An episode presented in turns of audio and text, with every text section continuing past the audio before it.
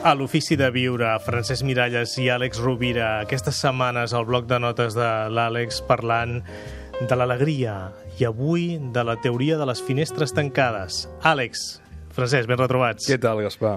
Feliços de ser En què consisteix? Veure, això és un experiment molt curiós i interessant que va fer un sociòleg, un psicòleg social eh, de la Universitat de Stanford, que es deia Philip Zimbardo, que el 1969 va fer la següent prova.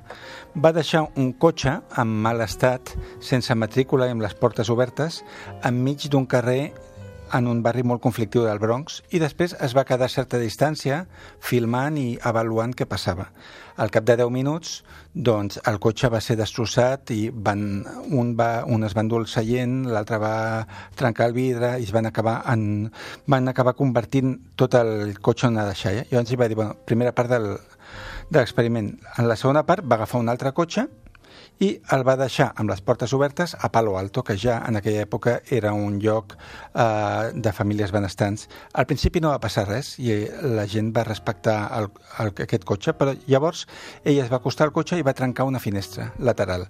I en aquest moment què va passar? Que fins i tot la gent que hi havia als voltants de Palo Alto van començar a trencar la resta de finestres, van obrir les portes i també van acabar rebentant tot el cotxe. Llavors, la conclusió a la que ell va arribar va ser que la imatge d'un cotxe amb una finestra trencada que ningú repara dona un missatge als altres que és a ningú li interessa tenir cura d'això, trenqueu el que vulgueu, emporteu-vos el que vulgueu. I això, aplicat a les relacions humanes, la teoria de les finestres trencades és que quan entre persones eh, que s'estimen es produeix una ofensa, es produeix un, un error, eh, alguna cosa que pot ferir l'altre i no ho reparem, el missatge que li estem donant a l'altre també és que no ens importa la seva felicitat ni la seva alegria.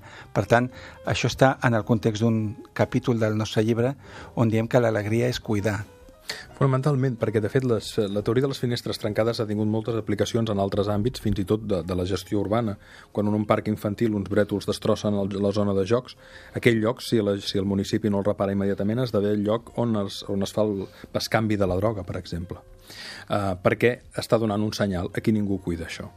Uh, nosaltres en el llibre de, en el llibre Alegria el que, el que fem la reflexió és ben senzilla. Si tu vols significar-li a algú que l'estimes, cuida'l i la manera de cuidar és reparar qualsevol finestra trencada. Una finestra trencada no només física, mental, eh, emocional, eh, relacional, eh, l'haver deixat de banda la cura d'un petit detall, perquè tot això genera un metallenguatge que va molt més enllà de les paraules, que es produeix per coherència en l'observació, i realment l'alegria no pot florir quan hi ha finestres trencades de la mena que siguin.